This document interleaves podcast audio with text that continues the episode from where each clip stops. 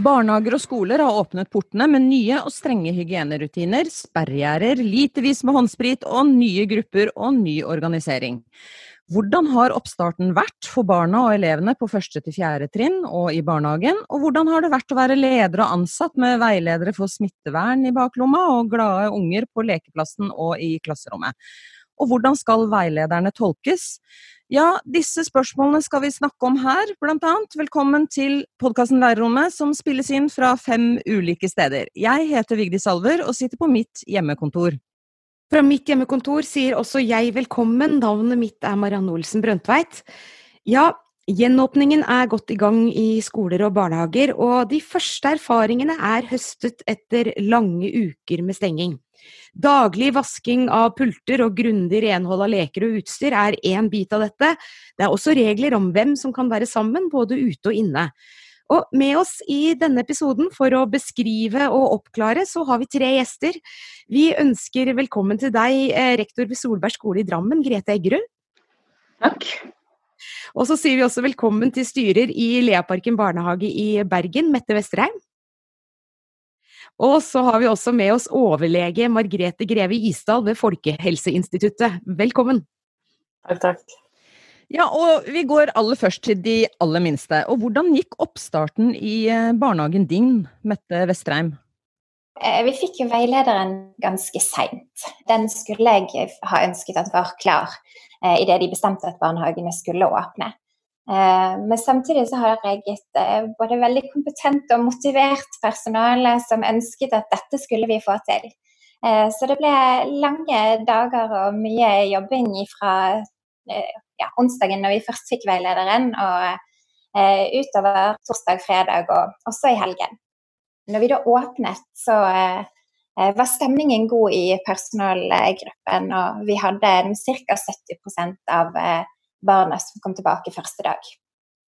Ja, for så kom barna. Og kan du fortelle litt, hvordan har dere organisert dagen og gruppene? Jeg vet at dere har kjøpt inn bl.a.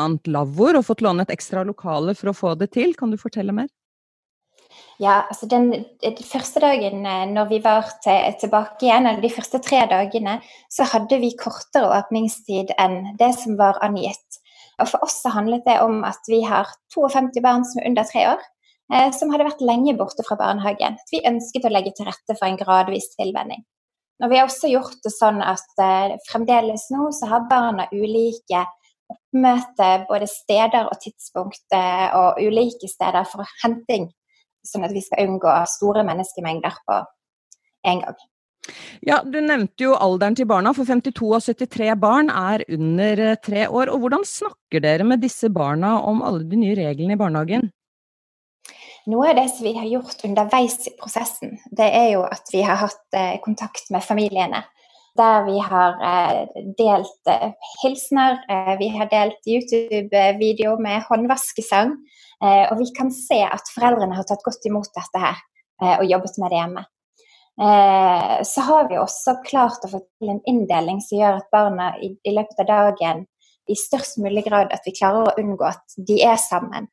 Så vi ser jo at det, det å ha eh, faste voksne til stede hele åpningstiden sammen med sine faste barnegrupper har vært veldig bra. Med de aller, aller minste så er det ikke så mye man kan snakke om smittevernregler. Men det som vi kjenner igjen fra små barn, er jo at de setter pris på rutiner. Eh, så det med håndvask har gått veldig fint. og eh, når vi eh, har vasket hender og da er kommet til bordet eh, for å spise, så sitter de med hendene foran seg, klare for å få en liten spritdusj eh, i tillegg. Men du, men du, hva har vært mest utfordrende med oppstarten, syns du? Og hva er mest utfordrende nå? Det som jeg ser kan, kan, gjøre at Vi har en klok pedagog som sier det at vi må unngå at kohorthusene faller. Og det er jo dette å sikre tilstrekkelig bemanning. Eh, vi har fått til noen, en god gruppeorganisering, men vi har måttet ta inn ekstra vikarer for å få det til. Dette er vikarer som er kjente for oss og for, for barna, så den biten er jo eh, uproblematisk. Men vi har valgt å forsterke allerede nå, selv om ikke alle barna er kommet tilbake. eh, for å forebygge at dersom en voksen blir syk i en gruppe, så har vi allerede noen som er tilknyttet den gruppen, som stepper inn. Rektor ved Solberg skole i Drammen, Grete Eggerud. Før åpningen hos deg, så sto du i skolegården og pekte på steder hvor eh, sperregjerder skulle stå, og nå er det altså 300 elever og 40 ansatte på skolen. Hva er de første erfaringene med oppstartene nå ved første til fjerde trinn? De er veldig gode. På mandag eh, skulle vi ta imot 300 elever. Eh, det var kun 21 elever som ikke kom på skolen. Vi er mye heldigere stilt da, vi fikk denne veilederen i bedre tid. Vi kunne lese veilederen for barnehage. Vi leste den danske veilederen. Og så er vi heldige. Vi har hatt en kommune som har vært på hele tiden. Hvor vi har fått veldig klare føringer og eh, på en måte hvordan vi skal gjøre dette på den enkelte skole. Eh, det er en kommune som har vært veldig tydelig på fellesskriv, mye informasjon ut i alle ledd på ulike språk. Og veldig tidlig, første dag etter påske, så kunne jeg til mine ansatte fortelle her blir det to planleggingsdager før vi skal åpne. Ja, hvor har den bratteste læringskurven vært for deg og dine ansatte når dere har hatt disse planleggingsdagene? Jeg tenker i utgangspunktet så organiserer vi grupper eh, med utgangspunkt i hvem er de ansatte og hvilke behov har elever. Her er det helt andre Eh, type kriterier i forhold til organisering, og det utfordrer oss. Du nevnte jo planleggingsdag med ansatte. Hvordan har du samarbeidet med dine ansatte nå før og etter gjenåpningen? Det er kanskje det jeg har lyst til aller først, å rose omstillingsevnen til alle mine lærere og assistenter. Vi har hatt veldig fokus på teamsamarbeid de siste åra og robuste team. Jeg snakker jo om team på både første, andre til sjuende. Vi er jo åtte-ti lærere på hvert team. Og en enorm samarbeidsvilje med oss i ledelsen. tenker jeg Det er helt avgjørende hvordan vi bruker rett og slett energien på å legge til rette. Så Det er kanskje det vi har vi har bygd opp en gro, god grunnmur da, på dette, og dermed så får vi det til. Men det er klart, smittevern det er ikke vi eksperter på. Og jeg var heldig stilt, vi på denne skolen, vi har to helsesykepleiere som har vært med oss i hele planleggingstida. Eh, veileder meg, veileder lærerne, og er her nå og gir tips og råd når vi driver og øver på å vaske hender på riktig måte. Ja, fordi Dere snakket om her at dere har fått tydelig skriv underveis, det er gode og tydelige råd, men likevel så er det tolkningsrom i denne veilederen også. Hvordan har dere starta med, med, dette? Um, ja, hvor har vi starta? Vi har starta med de tingene og de organiseringene vi er gode på. Da. Og så har vi jo vi har informert mye ut til foresatte, slik at de er trygge. Vi har hatt foreldremøter, eh, livesendte foreldremøter.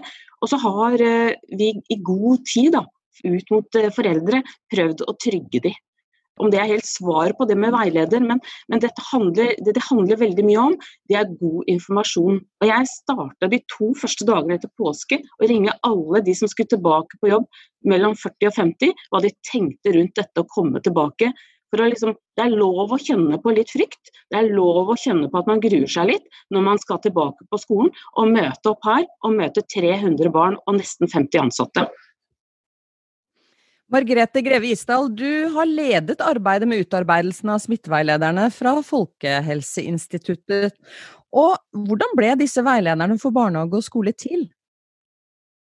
Altså, det ble jo nedsatt en uh, ekspertgruppe av regjeringen før påske, uh, hvor uh, vi skulle vurdere de tiltakene som var gjort i samfunnet. Altså dette med å stenge barnehager og skoler, hvilke konsekvenser det hadde, og hvilke løsninger man så. Og En av de rådene som kom ut av den ekspertgruppen, var jo at man måtte gjenåpne skolene og barnehagene, og de trengte da veiledere. For smittevern er, som det ble sagt her, det er jo ikke noe man til vanlig har eh, som, en, eh, si, som høyt fokus på i skolen, fordi det er andre ting som er viktig i en vanlig skolehverdag. Men nå er altså smittevern eh, viktig for å kunne gjenåpne skoler. Eh, og Derfor så var det veldig viktig å ha en en veldig tydelig veileder med veldig konkrete råd rett og slett om hvordan dette kunne gjennomføres i skolen, for at man skulle kunne både trygge de ansatte på og at de skulle kunne komme tilbake igjen på jobb, men eh, også, som det ble sagt her, at man må trygge foreldrene også. fordi det er utrolig viktig for at man skulle føle at det var greit å sende barna sine tilbake på skolen, at det var faktisk gjort så mye tiltak at man kjente på at smittevernet og eh, det å begrense smittespredning var ivaretatt. Mm. Ja, vi hørte jo eh, rektor her snakke noe om denne frykten, og så er det jo ting i disse veilederne som mange kan lure på. F.eks. så er det dette her. Den generelle smittevernanbefalingen til befolkningen er at man ikke skal være sammen i gruppe på over fem personer. Mm. Men i klasserom og barnehager så kan de såkalte kohortene være større enn dette. Og en lærer i skolen kan eksempelvis møte 15 elever samtidig, eller enda flere for større klassetrinn når de kommer tilbake. Og hvordan henger disse anbefalingene sammen? Altså, vi har jo etter hvert fått ganske mye mer kunnskap om denne sykdommen. og eh, det som kanskje forundrer oss som eh, leger og, og smittevernpersoner, er jo at det ser ut som barn både sjeldnere blir syke, men også at de får mye mildere sykdom. Og du må jo ha symptomer, du må jo nyse og hoste for at du skal egentlig være noe særlig effektiv smittespreder. Så hvis du da både har at eh, barn sjeldnere blir smittet, og at de får mindre symptomer, så er de dårlige smittespredere. Og da kan man også tillate å ha større grupper, eh, uten at det egentlig har uh, betydning for smittespredningen. Mm. Ja, det er mange tiltak i veilederen, men det forklares ikke hvordan de skal gjennomføres. Og det er også et visst uh, tolkningsrom, vil mange si. Blant annet så står det dette tørk over flater som toalettsete og kran på servanten to til fire ganger daglig. Og hvordan vil du eksempelvis anbefale at en skole løser dette når de har renholdere som kanskje går fra jobb klokka 11 for å jobbe et annet sted? Man skulle jo tro at det blir trafikk på toaletter på en skole etter spisefri klokka 11. Mm. Nei, altså jeg tenker at Her er det jo litt sånn viktig at man praktisk går inn og ser hvordan enkelte skole kan eh, organisere dette annerledes. Så Det er jo ikke eh, sånn at vi har eh, hatt noe myndighet til å si at man skulle eh, øke bemanning eller sånne ting. Dette er jo på en måte hva vi ser som et smittevernfaglig råd, som er de rådene som kan gjøre at man begrenser risiko for smitte.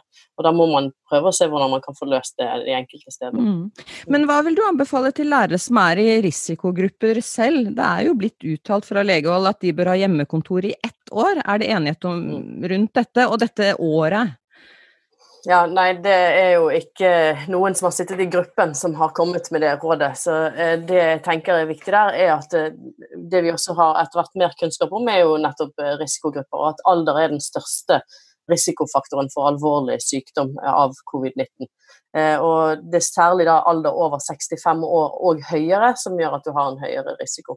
Men hvis man har en eller annen alvorlig underliggende sykdom og er yngre enn 65, så er det grunn til å, å ta en samtale for å høre hvordan man kan eventuelt tilrettelegge på arbeidsplassen. Og Da kan det være aktuelt med hjemmekontor f.eks.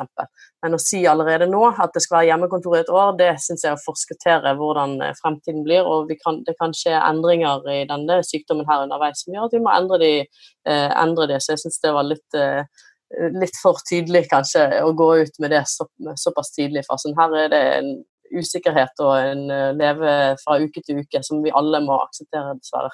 Så en tidsbegrensning på noen av disse veiledende tingene i veilederen, det kan ikke du gi? Nei, altså jeg tenker det at sånn som det er nå, så må vi nok se at disse veilederne varer frem til sommeren. Eh, I hvert fall ha det som et siktemål. Og så, må, så det blir på en måte neste spørsmål hva skjer til høsten i forhold til hvordan denne epidemien utvikler seg. Mette Vesterheim, som det sies her, så er det jo et tolkningsrom i disse veilederne. Hvor la dere lista da dere skulle organisere en ny hverdag ved din barnehage? Først og fremst så tok vi utgangspunkt i eh, hvilke barn vi har, og hvilke ansatte vi har, og hvordan de kjenner hverandre.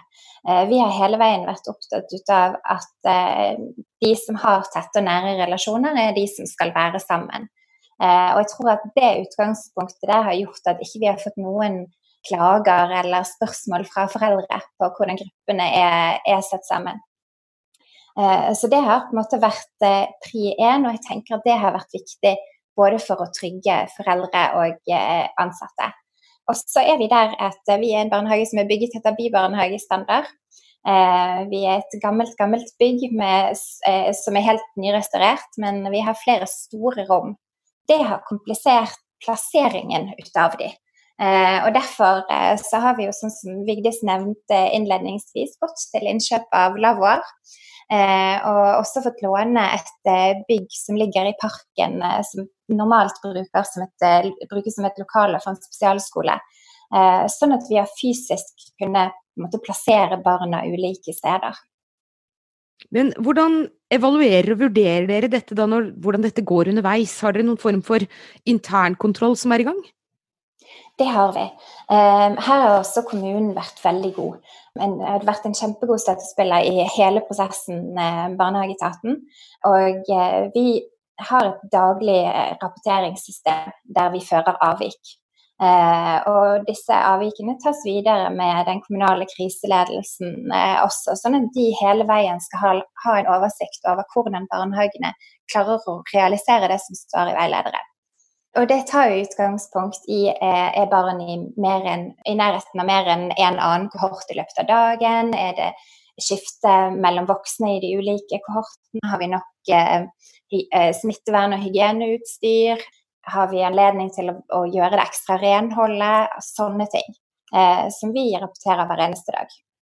Og, og, i dette så ligger det også et bilde på å tenke det rundt sykefravær, som du også har nevnt tidligere. Mm. Oddsene for sykdom er ganske høy. Har dere forberedt på hva som kan skje med barnehagedagen da? Eh, det har vi. Eh, her har jeg eh, tett kontakt med min eh, nærmeste leder, og på en måte gangen i, i dette, hvis noen skulle bli syke, det at de tar kontakt med, med meg, eh, så gjør jo jeg en totalvurdering. vi har jo forsterket eh, personale denne tiden her. Men blir situasjonen sånn at eh, jeg ser at jeg ikke klarer å løse det, så vil jo jeg snakke med, med min leder. Der har vi jo i kommunen også et eget eh, bemanningsbyrå som vi kan hente inn eh, ekstra vikarer ifra. Men i, i ytterste konsekvens, hvis vi får stor sykdom, og nå snakker ikke jeg om covid-19, for det er helt spesielle retningslinjer for. Sant? Men folk kan bli syke av andre ting også så vil jo det være sånn at eh, vi kan komme til eh, å måtte si at enkelte grupper må være hjemme. Og disse tiltakene som du nevner nå om ekstra eh, steder å være, ekstra personell, de har jo allerede de har jo alle en, eh, en, økonomisk side. Hvordan forholder du deg til det aspektet nå i disse tider? Er dette på en måte i samråd med, med barnehageeier?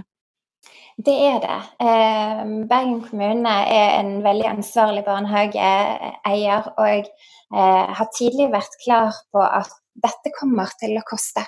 Vi er derfor blitt bedt om å spesifisere med ekstra prosjektnummer eh, utgifter som vi har nå som følge av den situasjonen som vi står i. Og det skal være, barnehagene skal være trygge. Det er pri én for både ansatte og barn. Og i denne situasjonen så koster det noen ekstra penger. Grete Eggerud, i en skolehverdag som i en barnehagehverdag, så er det jo en del eh, sårbare situasjoner, og som dere kjenner ekstra godt på eh, kroppen i disse dager. Tenker bl.a. på henting- og leveringssituasjoner, inn og ut av klasserom etter friminutt og deling på skrivesaker og utstyr.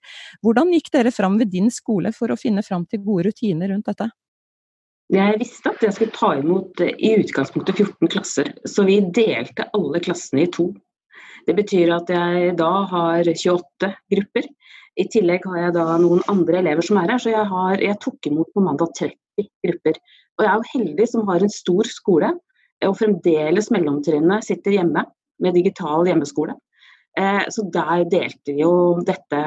Eh, og det betyr at de er sånn mellom 8 og 12 i hver gruppe alle elevene på småskolen hos meg har egen iPad. Og vi hadde en veldig sånn grei og god oversikt i klasserommet i forhold til hvor de skal liksom holde til. Så akkurat de organiseringene der, de tenker jeg har gått helt fint.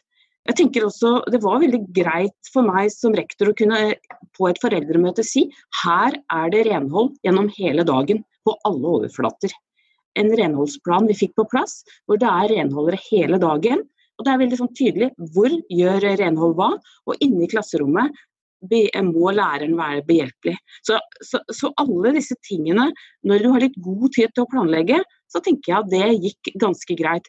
Det som er utfordring, noe av utfordringen, er jo sant, overgangen til SFO.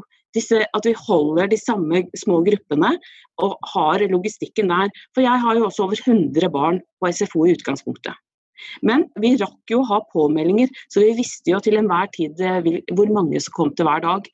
Um, Organisering er vi jo ganske drevne på i skolen, så til nå har det gått greit. Men utfordringen den kommer når vi får høyt fravær.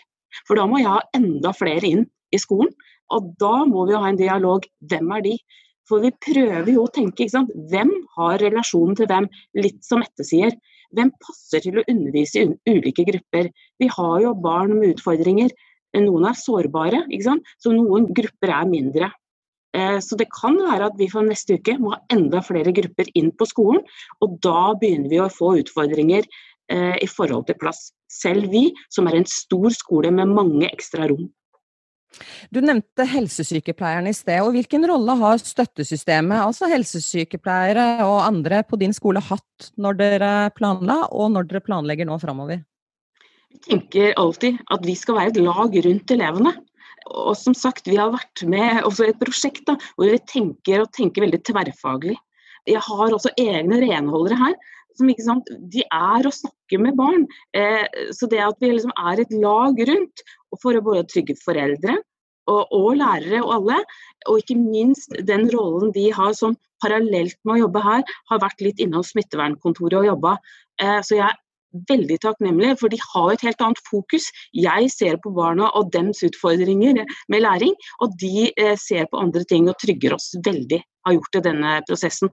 Det har vært veldig betryggende for meg som leder å vite at jeg har noen her. De sier 'dette er bra nok, det, Grete'. Mm.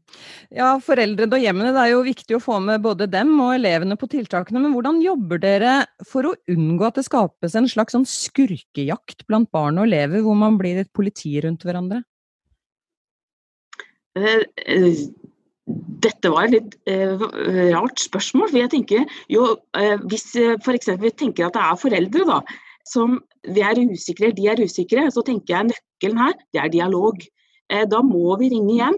Og jeg har altså mine kontaktlærere på småskolen. Alle ringte hjem til alle foreldre før vi starta opp, for å trygge dem. Og jeg tenker det, og de filma i klasserommet. Slik ser det ut når dere kommer. Greve Isdal, før skoleåpningen så meldte noen skoler at de hadde lagt opp til 20 elever i hver gruppe når de yngste elevene skal tilbake på skolen. I veilederen heter det, som vi hørte over altså, at f.eks. kan en klasse deles i to kohorter med inntil 15 barn per kohort. Altså, hvor veiledende er denne veilederen? Er det problematisk eller ikke at det såpass, kan komme såpass store forskjeller i tolkningen av den fra skole til skole, eller altså fra barnehage til barnehage? Nei, jeg tenker ikke at det er et problem at, eh, at, det blir tolkninger, fordi at alle skoler ser ulike ut, og barna er ulike. og hvordan eh, Lærerne kjenner disse barna best i forhold til hvordan de oppfører seg, og vet hvor mange barn de kan ha i en gruppe i en klasse, f.eks. versus det de kunne hatt på et annet trinn, f.eks. Eh, så jeg tenker at det, det, skal være veiledende, for det skal være mulig å tilpasse. Og det viktigste jeg tenker Vi er veldig fokus på disse nye tiltakene som er for skolen, som det vi i smittevern kaller for å redusere kontakt mellom personer. Men, og, det, og, det, er viktig, fordi vi vil at det skal være færrest mulig kontakter. Hvis noen skulle bli mm. syk, så skal vi sørge for at det er færrest mulig som er nær kontakt, og at det ikke skal spre seg f.eks. til andre grupper eller kohorter, som det har blitt kalt. Men eh, det er viktig å gå tilbake til hva som er det viktigste smittevernet. Og de tre hovedprinsippene eh, innenfor smittevern det er jo da først og fremst at syke personer skal holde seg hjemme. At de skal eh, også holde seg hjemme selv ved milde symptomer til de er friske igjen, pluss en dag for å være helt sikker. Og så skal man vaske hender eh, eh, ofte. For du kan gjøre det, og det er veldig viktig å ha det rent nå når det er en smittesituasjon, men det viktigste er å rene hender. For hvis du da vasker pulten, men du har fortsatt har skitne hender, så er du like langt. ikke sant? Sånn at eh, det, det er viktig å få frem at det er en prioritert rekkefølge i disse tiltakene, og da kommer kontaktreduserende tiltak. Det er liksom under renhold igjen, da. Men det er jo sagt at veilederne skal være dynamiske, men hva skal til for at de blir endra, slik at det blir enten blir færre eller også kanskje flere retningslinjer? Nå skal det jo faktisk være et møte senere i dag eh, for å diskutere allerede første eh, innspillsrunde, for å se hva er det som funker, hva er det som ikke funker, hva må presiseres, hvor må vi ha flere eksempler osv. Så, videre. så det, det, blir nok en ny revisjon om ikke lenge, tenker jeg, som gir litt bedre, enda litt bedre veiledning. Ja, fordi det du, det du, snakker om her, har jo på, en måte, på den ene siden så har man de pedagogiske kunnskapene om barna som kommer i barnehagen eller skolen, men på et eller annet tidspunkt så handler det også dette om ressurser og tilgang. Mm. Det ble løst med ekstra rom og en barnehageeier som gikk inn og sa ja, dere kan være på flere steder. Eh, og, og, så ble det også snakket om vi har en stor skole, så her lar det seg gjøre. Men på et eller annet tidspunkt så blir det et kompromiss også med ressurser. Hvordan skal dette vurderes da? Nei, Det skal vi jo ta en diskusjon om sammen med Utdanningsdirektoratet for å finne ut hvordan vi kan løse det. Og Det har jo egentlig ikke vært eh, i veilederen at det har stått at, eh, kohorter eller disse gruppene der som samarbeider, de skal fortrinnsvis være ute, så man kan se for seg en sånn veksling ute og inne. Så er jo ikke det alle steder det lar seg gjøre, for det er jo ikke vår Eh, alle steder i landet enda. Det er mange steder som har mye, mye vinter enda, og da er det kanskje ikke så lett å ha undervisning ute. Så vi er nødt til å komme med litt eh, mer konkrete eksempler tenker jeg, på hvordan man kan løse det for å ha eh, flere Kanskje at kohortene må kunne samarbeide innendørs, f.eks. Tenker du Vestreim, at det er lurt i denne perioden å se på alle disse tiltakene som den nye normalen? Ja, både òg. Noe av det som vi har sett med, med det med organisering ut av eh, gruppestørrelser, ser vi at er veldig bra for barn. Eh, og det at, at, vi nå har hatt eh, redusert åpningstid eh, også, eh, er en kjempefordel eh, for barnehagen. At vi har alle folkene våre på jobb samtidig som barna er her. Om det er realistisk at det skal ligge i fremtiden, det tror jeg ikke. Eh, for selv om vi er underlagt eh, Kunnskapsdepartementet, så eh, er vi nok der først og fremst fordi at foreldre har et behov for at vi skal stille opp når de er på jobb. Det som handler om hygienetiltak, spesielt dette med håndvask, det er jo noe som vi har hatt et stort fokus på i barnehagene allerede. Og nå er vi enda mer skjerpet, og det er noe jeg virkelig håper at fortsetter. Til slutt, Grete Eggerud, hva er det viktigste budskapet eh, nå framover til ansatte og skole i barnehage, og til foreldre, barn og elever? Vi eh, ser at dette fungerer fint. Dette går helt fint. Vi har god plass. Skolegården vår er stor og delt inn. Når alle ansatte er på jobb, går det fint. Og det går også veldig fint når det er fint vær.